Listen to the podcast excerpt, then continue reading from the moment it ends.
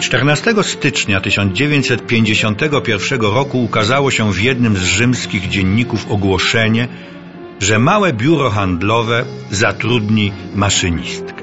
To ogłoszenie musiało wzbudzić zainteresowanie, bo wolnych miejsc pracy było wtedy we Włoszech niewiele. W wyznaczonym dniu zjawiło się ponad 200 bezrobotnych kobiet. Wypełniły one szczelnie klatkę schodową kilkupiętrowej kamienicy. Pewnym momencie schody, nieprzystosowane na tak wielkie obciążenie, zawaliły się. Kilkadziesiąt kobiet trafiło do szpitala. Jedna z nich zmarła.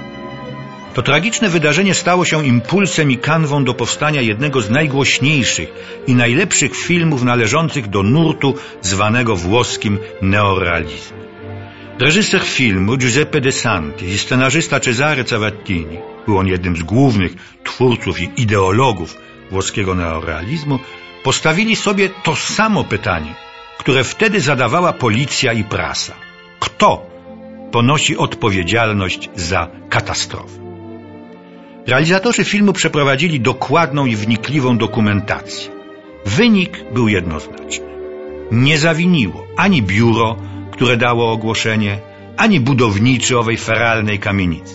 Wina leżała w panującym wówczas we Włoszech ogromnym bezrobociu. A oto główne bohaterki filmu. Pierwsza przyszła Gianna. Panował mrok. Brama kamienicy była jeszcze zamknięta. Dziewczyna niezbyt ładna, zalękniona, wraz z matką bez środków do życia. Wkrótce zjawia się Loretta. Znalazła się na skraju nędzy, ale usiłuje swoją rozpaczliwą sytuację pokryć pewnością siebie.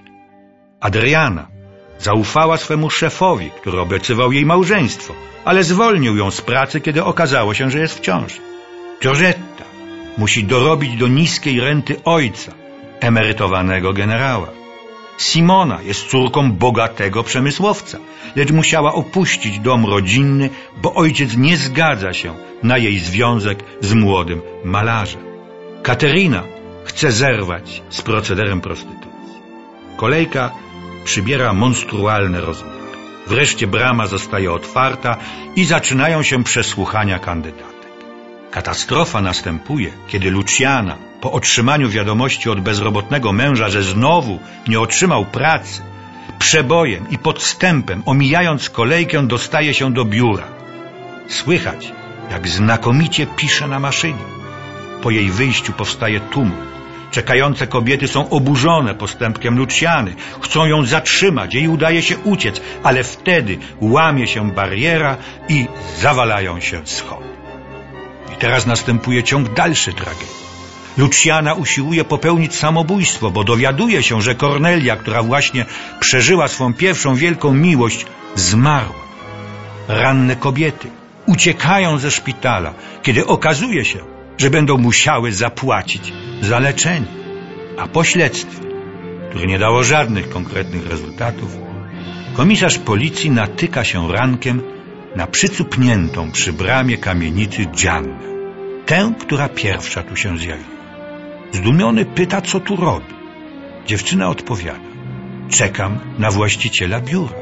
Ale po co? I słyszy zaskakującą odpowiedź. Przecież ta posada maszynistki jest jeszcze wolna. Może ją dostanę. Takimi tematami i problemami zajmowały się filmy włoskiego neorealizmu.